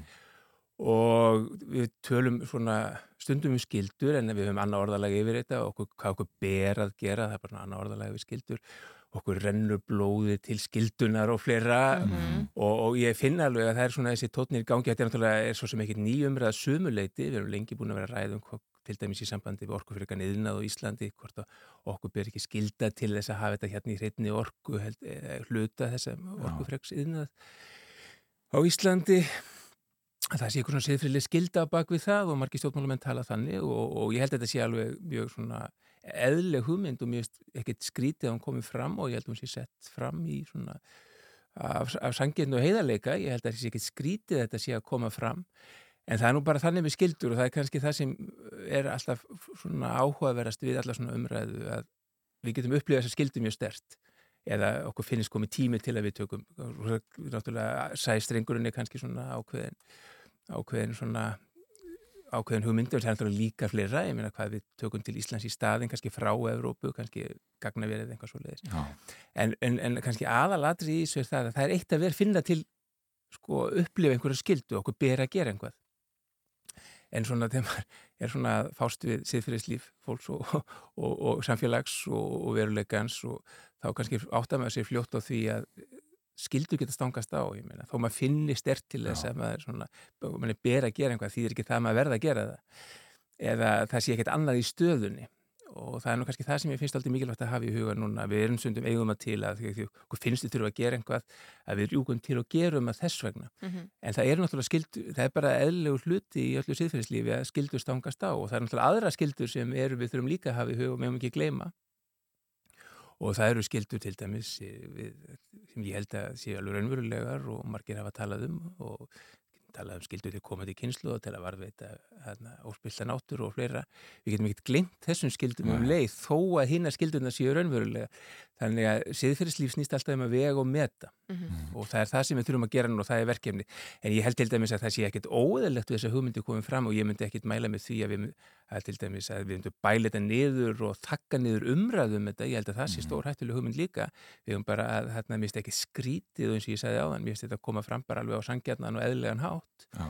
En ég sjálfur held að hérna, þetta sé nú kannski ekki kannski ég held að þetta eigi ekki verða ofan á endilega, það er mín persónulega skoðun og það er ég bara hvernig ég er búin að sjálfur er búin að vega um þetta þessa skildu sem hérna, við stöndum fram með fyrir. Ég held að kannski skildan sem gleymi stundum í þessum aðstæðum og ég held að sé skildan svona okkar allra núna er miklu frekar kannski til dæmis að, að gæta orkunótkun okkar. Mm, Ég held að, ég held að svo skilda gleymi stundum alltaf í þessari umræðu að það, það er verkefni framundan miklu frekar heldur en hvernig við getum sko brugðist úr orkuskorti með því að minga orku þörfina frekar heldur en endilega framleiða meira af því það er náttúrulega kannski kaplöp að mínu áliti sem sagt elda skotti á sjálfum sér sko. Já, þetta er náttúrulega ótrúlega staði sem við sjáum í Evropu núna bæði hvað var orkumálin uh, og vasskort víða einhvern veginn það sem byggust ekki við því að, sjá vasskort heldur að stjórnvöld ég kannski bæði þar og, og kannski sérstaklega í þessu samengi hér á landi hugsa einhvern veginn um, um sko síðferðslega skildu er þetta fyrst og fremst alltaf viðskiptalegir hagsmunir? Nei, ég ætla nú ekki að ætla stjórnvöldum það að þau hugsi aldrei um síðfræðilega skildur. Ég held að, eins og ég sagði áðan, ég held að þessar hugmyndir sem koma fram, bæði sem hafa komið áður fram með okkur byrja skilda til þess að, að framleiða meira hérna, að styðja við orkufrekariðin á Íslandi með hreitni orku, orkuskiptin og við þurfum, að- þetta, er, og, og kannski sæstrengur einhverju leiti. Þetta er allt hugmyndir sem koma náttúrulega því að fólk, sko, vill vel, þetta er góðu vilja á bakvið þetta fólki finnst, ég, ég upplifa það þannig ég er ekki að, þetta er ekki bara einhverju viðskiptarhagsmunir eitthvað þýlugt sem er þetta bakvið þó að þessi kannski komið inn í þetta mér finnst aldrei svona ég held að það sé ekki holdt fyrir umræðan ef við lítum bara þannig á þetta en það held ég að það sé ekki satt Mhm. einfaldlega. það sem ég hef kannski stundum ágjur á og það sem ég var að nefna áðan að við meðum ekki vera á einstrengislega í þessu sko, bara við, því við upplifum að okkur, þessi skilda okkar að gera einhver, einhverjum ákveðnum tíðanpunkti að við gleymum stundum öðrum skildum okkar Já. Og það er svo auðvelt að festa sig bara við já, þetta, mér, ber, mér ber að gera þetta og, og gleyma öllu öðru. Að því að auðvitað eins og ég sagði það þá snýst þetta alltaf um að vega um þetta og það eru gríðarlegir hagsmunir sem og, og svona aðra skildur sem við getum glemt og ég held að svona það er bara það er svo þau þeir hagsmunur og þeir eru raunverulega bara réttindi vil ég nú helst tala um sem uh, sko Íslands náttúra hefur, ég held að við megum ekki gleyma því þessu, þó að þessar hugmyndir séu alveg sem, sagt, hérna, sem eru að koma fram séu alveg svirði að ræða. En- hvað tól eru til til þess að, að, að vega og meta þetta þannig að maður komist að einhverju góðri niðurstöðu? Ef að stendur einhver songu fyrir fram að maður núna að maður hugsa, já ef ég gef honum brauðlefin þá á ég ekki brauðlef handa sko framtíðar börnum mínum sem þó eru ekki til, skilur mig. Hvernig getur maður hvernig getur maður komist að þessari niðurstöðu, siðferðslegu niðurstöðu? þetta er það sem maður er að reyna að gera allar daga. Eh, þetta er hægt að mínu viti og ég nú sé þetta oft gerast en þetta tekur tíma, við þurfum að náttúrulega fyrst og fremst að, fyrst að kannski skrifa þetta aldrei að vera dugleri að svona að að greina og svona, maður ég sletta svona mappa út sem sagt leggja niður fyrir okkur hvaða skildur eru að stangast á hérna Mhm. og umræðan fer ofti eins og þið þekkið alveg alltaf í skotgræð fólki með, sem hefur á, áhuga á þessum málum hefur sér bara þessa skildu fyrir eitt liðið og það sem sér bara þessa skildu fyrir hitt liðið og svo er lítið talað um milli, ég meina við þurfum, sko fyrsta lagi bara þurfum við að vita að þetta er að vega og meta sko Mhm. og bera þetta saman. Og svo eru bara, ég meina þurfum við aðtóa hvaða hagsmunir eru mikilvægastir. Eru ykkur aðra leiður, ég nefndi áðan til dæmis að sem gleyma stundum í hitta leiksins þegar umræðinu fann að stað, ég meina mínu áliti er orku, viðbröðu orku skorti náttúrulega að draga og notkunna einhverju leiti, finna leiðir til þess færa fórnir jafnvel, við þurfum kannski til þess að venda náttúru þurfa að færa fórnir, við vitum það alveg. Og það er komið vel fram. Og það eru þessir, ég meina, svo fer maður bara í umræð um þetta te tekur þá hagsmunni sem er að takast á það er skildur sem er að takast á og reynir að bera það saman og reyna að finna kannski hvaða skildur eru þess eðlis að við kannski erum ekki tilbúin til þess að, að, að, að, að fórna þeim uh, til dæmis er skaði, óafturkræfanlegu skaði, til dæmis á náttúru uh, eitthvað sem við viljum kannski þá erum við kannski að tala um skildur sem eru svona kannski einhverjum grunnskildur eða frumskildur Mhm. að hérna, við völdum ekki skada á hérna, einhverju sem er ekki að taka tilbaka sama til dæmis þegar við erum eins og ég var nefndi áðan til dæmis þegar maður er að hérna, við, við erum að velta fyrir okkur, við erum að vega með þetta hvernig við bregðumst í flótamannaströmi þá erum við með raunveruleg líf hérna a- í húfi Mhm. og það eru kannski einhverju svona siðfræðilegir hagsmunni sem munu mínu viti eiga alltaf að trompa aðra hagsmunni þannig að sko það eru yfirleitt þegar maður fyrir að greina þetta, það er einhverju hagsmunni sem, sem eru mikilvægir heldur en aðris Já, við tölum svolítið um flóttafólki hérna uh, og siðferðslegar skildur heldur að mat okkar á siðferðslegum skildum hafi breyst á síðustu árum Nei, ég, ég er nú ekkert endilega viss um það. Uh, auðvitað er það bara þannig og mér finnst það bara mjög eðlilegt að það eru mismunandi atbyrðir og, og, aðstæður í heiminum sem, sem svona vekja upp hugsanir og umræðu. Eins og til dæmis stríðið, þú nefndir áðan bara breytingar í veðri, þurkar í Evrópu, þá bara mynd, þá fer umræðan, bara þá verður til umræða sem var kannski ekki árið áður. Uh, ég held að, hérna, ég held að mat okkar á þessum skildum, mat okkar svona siðferðilegur veruleiki okkar tekur ekkert stórum breytingu þó hann sé alltaf að færast til dæmis held ég að við séum stöðugt að taka svona þessi umhverfis siðf siðfræði eða svona um, siðfræðilegt mat okkar og umhverfi okkar og náttúru er að taka breytingum, ég held að það sé engi spurning. Mhm. það sem þótti þetta skrítið að tala um fyrir kannski tveimur áratugum þykir ekki skrítið í dag og ekki einhver fyrir einhver ekki bara einhver einstaklingar að tala um það það er alveg megin viðþorf við sjáum þetta í viðþorfu okkar til dýravelferðar við sjáum til dæmis bara, held ég, við getum tekið dæmi, nú er bara nýlegt hvernig við þóru okkar til dæmis til kvalviða hérna almennt í þjóð, hjá þjóðinni, hjá ráþæra er allt annað en fyrir nokkrum árum. Ég held að þetta séu bara eðlilega breytingar sem eru eiga sér stað. Og gjör breyst algjörlega. Bara gjör breyst algjörlega, já. Sko, svona tísku orðið eh, er, þessar dagana svolítið að tala um að hérna, fólk sem er siðblind eru við siðferðslega, eða eru við sko missterk svona á siðferðslega sviðinu, eru við missterk til þess að, að taka ákvarnir út frá siðferðslegum sjónamöðum? Vi, já, við erum, klár, við erum það klárlega. En þetta er mikill, mikill, mikill minni hluti að mínu áliti og minni, minni reynslu fólk sem á erfitt með að taka þátt í svona umræð. Mhm. Uh, það sem ég, ég held að sé svona alltaf verkefni okkar á hverjum tíma er að reyna að fá sem flesta til að taka þátt í þessu umræðu því þau geta það. Þau reyna stundum að halda sig frá henni, að halda þetta sé ekki þeirra svið, vilja ekki taka þátt í henni.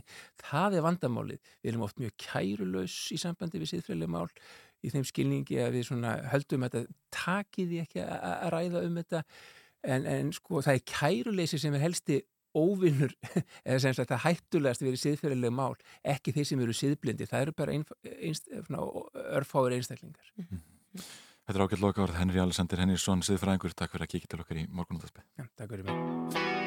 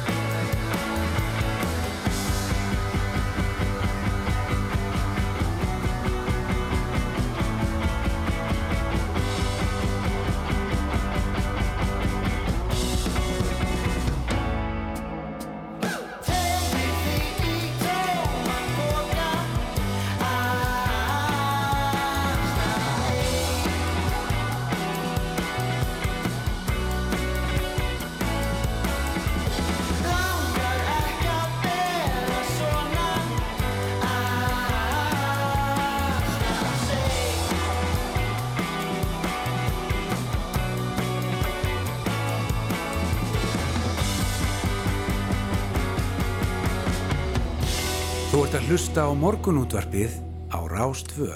Herði yngvar, það steytist í menninganótt á fyrstu, uh, já, síðan uh, fyrir faraldur. Já, nákvæmlega og, og það, þar með tónaflóð, mm. -hmm. Rása 2 og, og Mhm. þar er hérna mikið undir þér. Algjörlega. Mér finnst menninganótt alltaf mjög skemmtilega. Hún einhvern veginn tók yfir sko önnur hátíðarhald í miðbænum Já. uh, fyrir nokkur mánu síðan. Er bara alveg rísa hátíð og fyllist allt í bænum og flugöldasýning og svo Já, framvegs. einmitt, hátíðin hefst þarna um eitt, líkum með flugöldasýninguna þarna á Arnarhóli um 11 litið, Mhm. frítt í stræt og, og við þekkjum þetta vel. Jú, jú, jú. Mm. Það klikkar ekki ekkur einasta árið þá hugsa maður, herri, það er á bjart fyrir flugöldasýningu. Já. Svo bara rétt áður en að að það komið ræði þá skellir á myrkrið. Já, já, einmitt.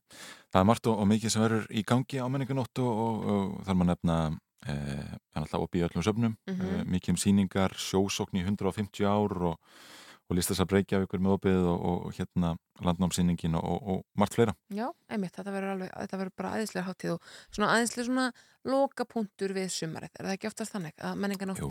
eftir menninganótt þá byrja skólanir og svo framins þetta er svona alltaf eitthvað neginn, já, þetta er svona endapunktur ákveðin. Nákvæmlega, nákvæmlega. Það er eh, mikið um góða tónlist á, á tónaflóði ár. Það er Bríett og, og Kákáband, Unnsteinn, Flott, Gugusar, e, Bassi Maras Mm einmitt. og síðan Kusk og Óviti. Já, við skulum kannski heyra þetta lag uh, með þeim, Elsku vinur sem að, verður svona þetta þeirra helsta smellur á, á tónaflóðu næstu helgi.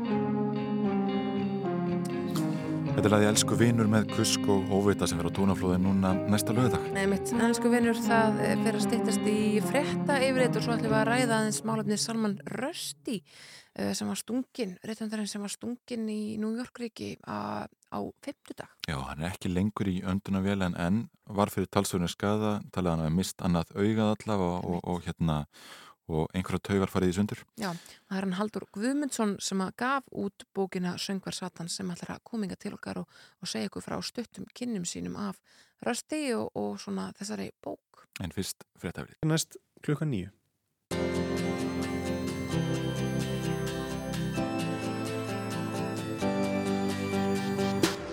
Þú ert að hlusta á morgunútvarpið á Rástvö. Jú, jú, Guðmundur Jóhansson, tækni spekulantir hinga komin, góðan daginn. Já, góðan daginn. Við ætlum að þess að ræða netöryggi, eða ekki? Jú, það er að spóður í frettum hérna á, í innlendum miðlum í síðustu viku og náttúrulega bara í frettunum í þessari viku að netöryggi er eitthvað sem við þurfum að hugsa meir og meira um og það er bara nær okkur en við oft höldum. Það er ekki Mhm. takt að hugsa, þetta kemur ekki fyrir mig. Þannig að þessi tvö mál kannski sér að vísi er það var gagnaleki sem var tengdur við þjónustu sem að Reykjavíkuborg var að nota og svo var það þarna landsbankamálið að eh, var að setja upp svona phishing eða veiðisíður fyrir vistafinni landsbankans. En við byrjum kannski á þessum gagnaleka.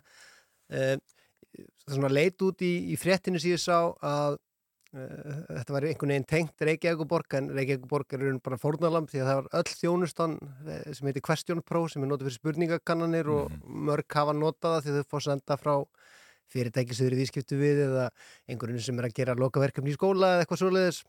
Það eru 22 miljónir netfanga sem lág út frá Question Pro. Já, já. og það sem er alltaf snúið svona er þetta eru upplýsingar viðskiptavina Question Pro, þannig að þetta eru viðskiptavinir viðskiptavina Mhm. sem kannski svona flækir oft aðeins málin en uh, hvað gerist raun og veru þegar maður lendir í gagnarleika eða getur maður einhvern veginn varist því. Nei, það er erfitt fyrir okkur sem einstaklinga en auðvitað er hérna ábyrð þeirra sem er að sísla með persónuupplýsingarnar okkar mikil en uh, það eru sérst eins og segja 22 miljónir netfanga í þessum uh, leka, það sem hann brotist inn og beðum raun og veru pening í staðin fyrir eh, að leka ekki gögnunum sem svo leka út uh, en hérna uh, það eru svona um rétt yfir 20.000 Íslands netfang í þessu leika, sínismanni Þetta er notað þegar fólk er að fá einhvern til að taka einhverja könnun fyrir lokaverkefni í skólinn. Til mynda. dæmis, já. Eða fyrirtæki svo út í viðskiptum vil fá að vita hvernig síðasta heimsókn var eða, eða hérna, hvað finnst þér um hitt og þetta. Ég er bara mjög mikið nota kerfi og, og hérna svona virt og gott spurningakönnunar eða kannanakerfi. En það er svona nokkri hlutir sem kannski sem maður þarf að hafa í huga þegar svona gerist og uh, það er aðlega það að þannig netfangimanns komið einhvert út sem maður ættaði ekki. Mm. og maður svona vill hafa stjórn á eigin upplýsingum og, og hvert þær fara og hvert þær fara ekki en þannig er það allt einu búið að taka það uh, ákvörðunum vald á okkur En ég meina, er þetta ekki bara svolítið svo að dreifa símaskrona á bensinstöðum fyrir 20 árum síðan eða? Jú, nema öllum bensinstöðum í heiminum Já, en það sem er kannski snúið í þessu og þarf svona maður þarf svona kannski að vekja aðtikli á er að það sem gerist þegar svona gagnarleikar eru og þannig eru upplýsingar um hann uh, komnar út og þetta snýst kannski aðalum í þessum leika um net, netfangimanns uh, það sem gerist þá er að nú er það komið í hendur aðalega sem við þekkjum ekki og vitum ekki um og þessir aðalar geta verið óprútnir og þannig að svona fjöldi ruslposta á netfangimanns sem var í þessu leika, þeim mun fjölga Já. og ekki bara einhverjir tölvupostar heldur tölvupostar sem að eru oft sérsniðinir að okkur. Þeir getur verið á íslensku að því að við komandi veit við erum á Íslandi. Típiskur líka svona postur væri að segja ég veit eh, einhvað um þig. Já. Eh, Ég ætla að leika því út Já. ef þú borgar ekki mér bitcoin eða Mhm. einhverja rafmynd sem er ekki hægt að rekja. Fólk það kannski svona bara stunda gaggrýra hugsun og vera aðeins varkárt þegar það er að fá tölvuposta næstu misserinn og sem á bara alltaf við í raun og veru að við eigum að vera varkárt þegar við fáum tölvuposta sem við eigum kannski ekki von á og þá kannski einna helst við um ef það er viðhengi með tölvupostunum ekki opna viðhengin ef það er vonaði eða mm. vitir nokkurt veginn hvað þetta er uh, og svo er það uh, með landsbankan og að setja upp svona veiðisíður og það, svo sem hefur verið sagt í fréttum að við eigum ekki að nota leitarvélar til að komast að niðurstöðu Nei. sem við gerum eiginlega öll já, já. við erum oft fljótari að stimpla einn hluta af einhverju heldur en allt eh, en það er samt þannig að þegar við erum að sísla með hluti eins og peningan okkar eða annað, an, annað verðmætt eða mikilvægt í líf okkar þá eigum við að við sjálf sem einstaklingar að sína ábyrð og ekki nota leita vel að komast á staðinn Nei. mér finnst það eiga við um heimabankan þá við um, við erum að gefa myndirnur okkar í skíunni eða eitthvað svona allt svona sem er okkar heilagasta e, og skiptur okkur virkilega máli þá verðum við að stimpla slóðina sjálfinn eða Já. hafa hana í, í, sem bókamerki eða svona eitthvað uppáhaldssíðu eða eitthvað sem er auðvelt að fara í en alls ekki að nota hérna, Nei. leitar vel að komast að En þið töl, tölum við það einhvern veginn þegar þetta var það að þessum þrjótum hefur tekist að- koma sinni uh, vefslóð fyrir ofan sjálf landsbankan á Google.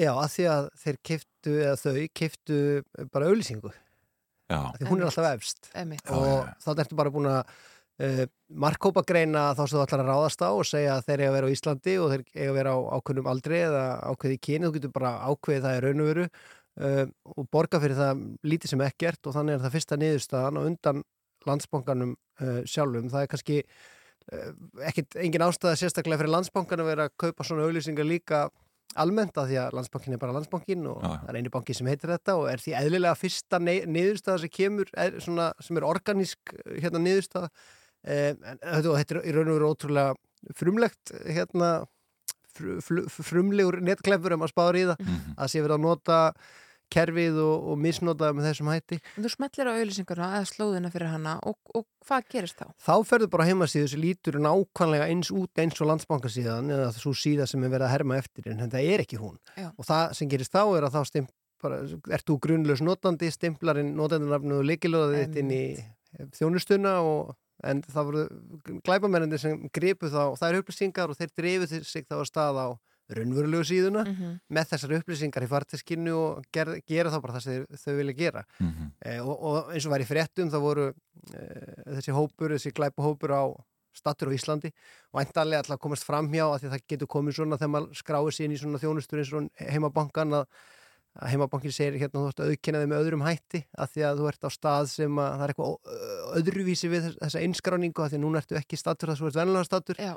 en með því að vera á Íslandi þá er kannski hægt að komast fram hjá því en þetta er kannski líka aftur að ábyrð okkar sem einstaklinga og bara netnótenda, hún er mikil og við þurfum að kannski að það, sem, það er hægt að nota ekki bara notendinafn og leikilorð, þetta er nota rafræn skilríki, nota tveggja þáttu auðkynningu, við þurfum, Mhm. við þurfum að nota öll þau tól sem er í bóði fyrir okkur til að verja okkur, Mhm. því að það er eins og ég segi, sagði byrjun, það er ekki hægt að hugsa að þetta kom ekki fyrir mig, Mhm. eh, allir eða öll sem að bara telja sig verið með svona hlut á hreinu geta alveg lent í því að gera eitthvað sem þau ekki að gera eða smetla á eitthvað sem þau ætluðu ekki að smetla á eða bara í flýti eða hugsunarleysi og þar með er skaðin oft skeður og veist, jú, jú, það eins og við vorum að ræða um gagnarleikana, netfangi mann sé gagnarleika er ekkit endir alheimsins og ekkit stórkostlega hættulegt að þýði bara aðeins við þurfum að vera varbergi Mhm. en það eru bara svo ótrúlega, ótrúlega margar aðra leiðir til að vera að pöngast í okkur sem einstaklingum og tilgangurinn eru þetta oftast að reyna að hafa okkur fjö eða reyna að að fá eitthvað, að vita eitthvað um okkur sem að við viljum ekki að fólk viti til að þá nota það gegn okkur til að fá fjö, þetta snýst allt um, um peninga. Uh, en við verðum eins og ég segi að vera varkár sína bara ábyrð sem notendur að internetinu að, að hérna, verja okkur sjálf. Og það er enginn að fara að gera það fyrir okkur þó að vissilega treystum við á alls konar fyrirtæki til að gera það fyrir okkur en við verðum að gera það. Og þá get ég sagt líka bara þennar hlut sem ég er búin að segja í mörg ár hérna að það er bannað að endur nýta leikilorð Mhm. Af því að ef leikilorðið manns og ég ætla bara að segja þetta enn og aftur og ég hljóma örglega eins og rispi plata en það verður bara að hafa það. Ef, að, ef, ef maður endur nýtir leikilorð sem allir gera því miður alltaf mikið Já. ef það lekur út í einum gangarleika þá getur við komandi reynt að skrá sig inn í alls konar aðra þjónustur sem þú. Mhm. það er eitthvað sem þú, þá hefur enga stjórn á neinu. Þú veist ekkert hvað gerist um gögniðin, upplýsingarna þínar eða neitt og það er eitthvað sem þú vilt alls ekki. Þannig að það er svona við bara hérna að ekki endur nýta leikilorðin ykkar notið tvekja þátt að auðkynningu og rafræn skilringi þess að það er hægt. Og bara síni smá gaggrinu hugsun og ábyrði þegar þið notaði internet Er ekki líka ágætt að breyta líkilorðu svona að minnsta kosti árlega eða, eða jafnvel gera svona oftar? 90 daga fresti kannski. 90 daga fresti, Já. öllum líkilorðum En sko best væri og ég skil alveg að það nennaði ekki datir en best væri bara að nota svona líkilorðastjóra Já. sem er til alls konar forrið sem að hérna, Er alveg hægt að treysta því? Það er hægt að treysta því og ég myndi nota það, nota bara einhverja one password eða lastpass eða keypass eða Mhm. ég ætla ekki gera upp á millilegir á svona þess að þekktustu.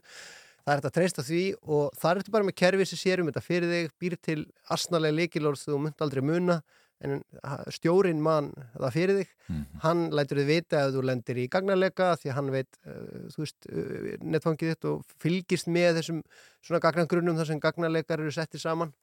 Lætur þið vita og þá getur þið skipt um líkilorð um, lætur þið vita ef það er sniðut að fara að skipta um líkilorð í ykkur Mhm. ákvæði þjónustu og bara sérum þetta fyrir þig. Og ég mæli með, þetta er ekki miklu peningar að kaupa áskrift að líkilorðastjóra og ef að fólk vil fá einhverja hugaró á internetinu og, og hérna eða tíma sínum og áhugjum í eitthvað annað en uh, neturíkja þá myndi ég nú bara splæsi líkilorðastjóra en ég skil alveg að það nenni því ekkit allir en þá er allavega hættið að endur nýta Einmitt. Gummi Tækni, Guðmundur Jóhansson, takk kærlega fyrir að koma til okkar. Takk.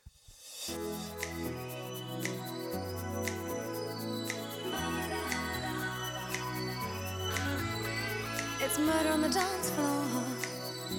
But you better not kill the groove, DJ. Gonna burn this goddamn house right down. Oh,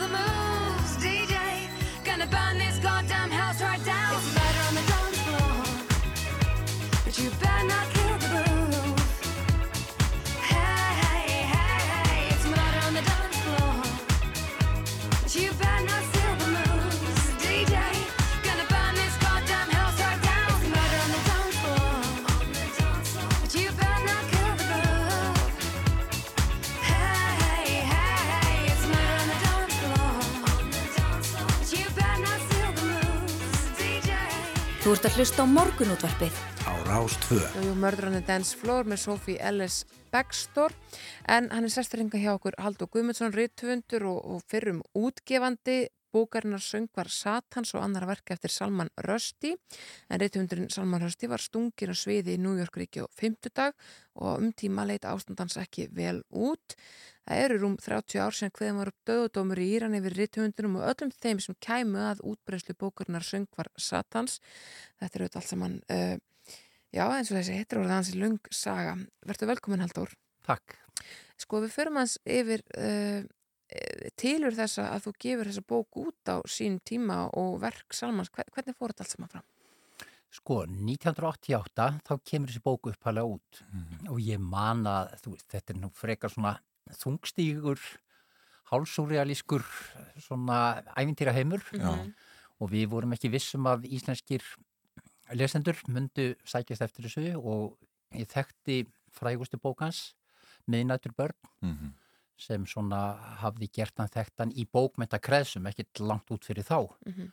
Svo 89, eins og maður sagði stundum þegar Khomeini var búin að lesa bókina, þá er þessi fatva eða dauðadómur gefin út yfir honum og uh, öllum þeim sem koma nálægt útgáfu bókans og þá fannst okkur nú bara að í samstöðu skyni Mhm. Þú veist, þegar, þegar sko einn af frægari rítvöndum á enska tungu er dæmdur til dauða ríkisborgari eins lands er dæmdur til dauða af þjóðhöfðingja annars lands Mhm. skulu sko hugsa út í þetta hvað þetta er absúrt Mhm. Þá fannst okkur að þetta þarna erum við að sína samstöðu og, og um, þeir Árni Óskarsson og Sverrir heitin Holmarsson þýttu bókina mjög rösklega og hún kom út þannig að haustið 89 en, en þeir heldu áfram á þess, í þessum löndum sérstaklega uh, Íran að sjálfsögðu en líka Indlandi og Pakistan að brenna bækur og það voru óeirðir Mhm. út af bók sko sem þú getur algjörlega gengið út af þessum vísu og enginn hafi lesið Já. af þeim sem voru að mótmæla Nei, nei. það voru, það voru óærðir í þessum löndum það létt fjöldimanns lífið við það og af því að þessi döðadómur náði til allra sem stuðla útbreiðslu bókarinnar uh, en eins og segir í, í fatva kominis um útgefundur og er, og er kunnugt um innihald hennar Já, já. sem ég veist alltaf skemmtileg svona ádeila á útgefundur hann margir sem gefa út hlutir sem þeir hafa ekki lesið en. En þá, til dæmis, sem er svo sem ekki gamma, á 91, uh, þá er japanskur þýðandi verksins myrtur og ítalskur uh, þýðandi særist mjög illa, ef ég mann það rétt. Og 93, uh, þá er skotið á þekktasta útgefanda Noregs, William Nygård, sem er góður vinnur okkar hér og hefur oft komið til Íslands.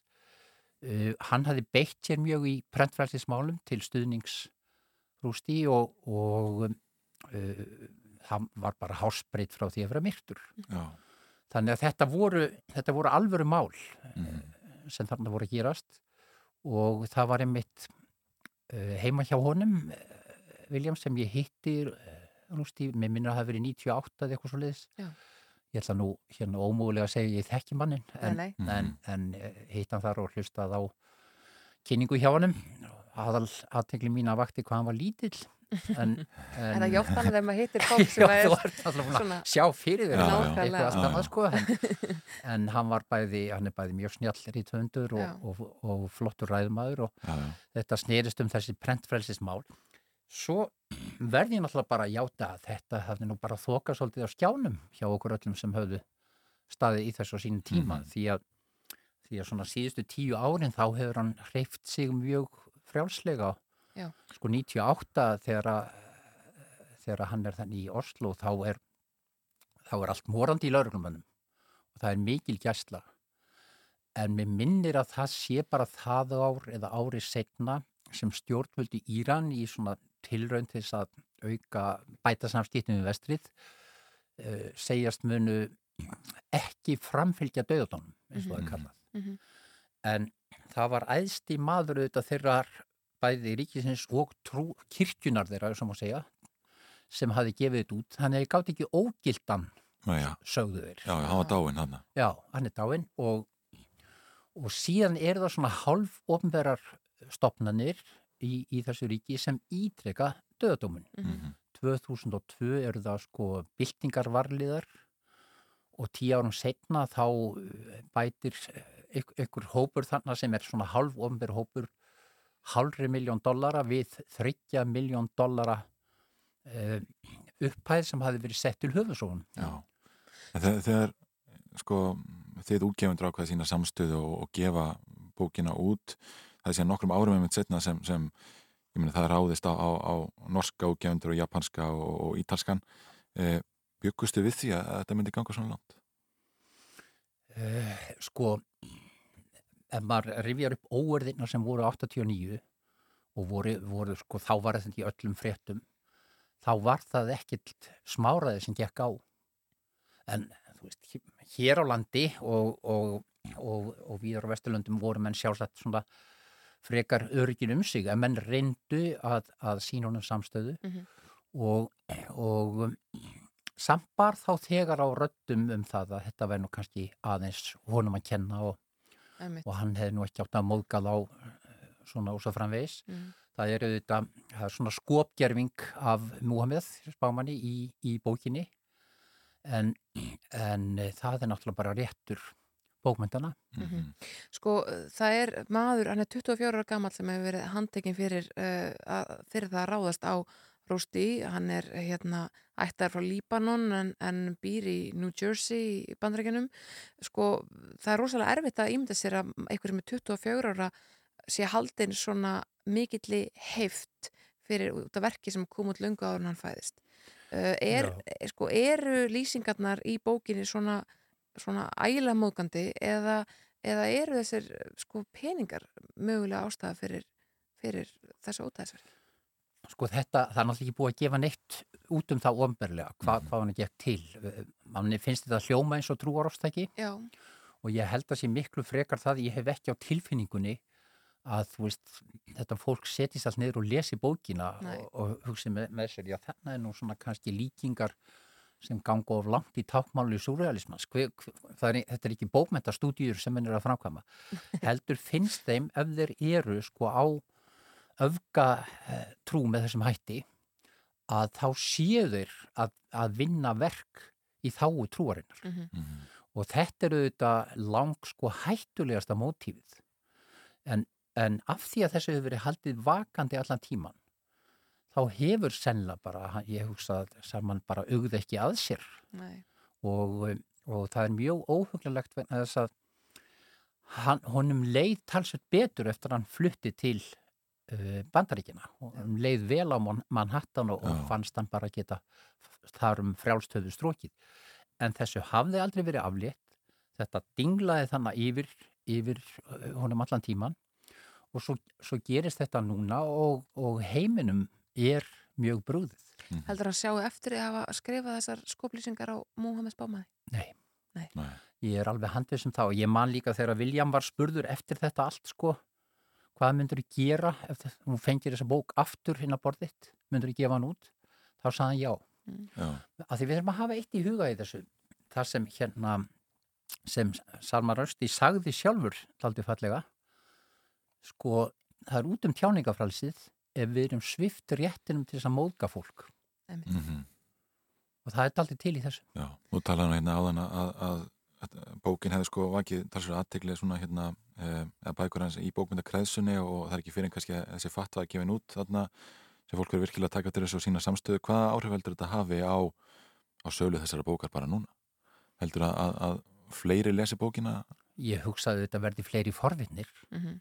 Og, en hún er ekki orðin léttari en hún var sko en, en hún, er, hún er stór forvittnileg hann hefur náttúrulega merkilegan bakgrunn og, og uh, fættur í Kasmír ef ég maður rétt og, og svo er hann, er hann hann er breskur sör verður sér orðin Mhm. þetta drottningin hafi aðlaðan 2007 þannig að, þannig að hérna hann er eins og margir höfundar á þessum tíma í Breitlandi, hann flytur daldið bakgrunn sinn og heim Já. inn í enskar bókmyndir og þetta er stór fróðlegt og merkilegt og Árni Óskarsson hefur sem betur fyrir þýtt fleiri uh, verk eftir hann.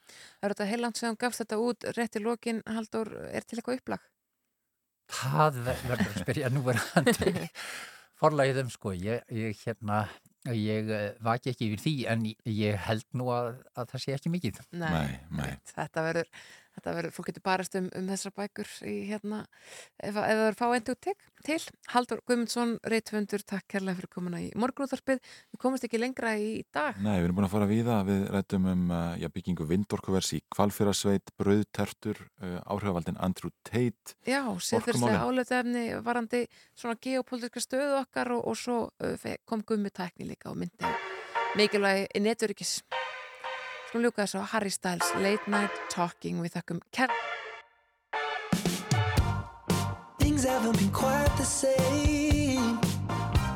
There's a haze on the horizon, babe. It's only been a couple of days and I miss you. Mm, yeah. But nothing really goes to plan. You stub your toe or break your camera.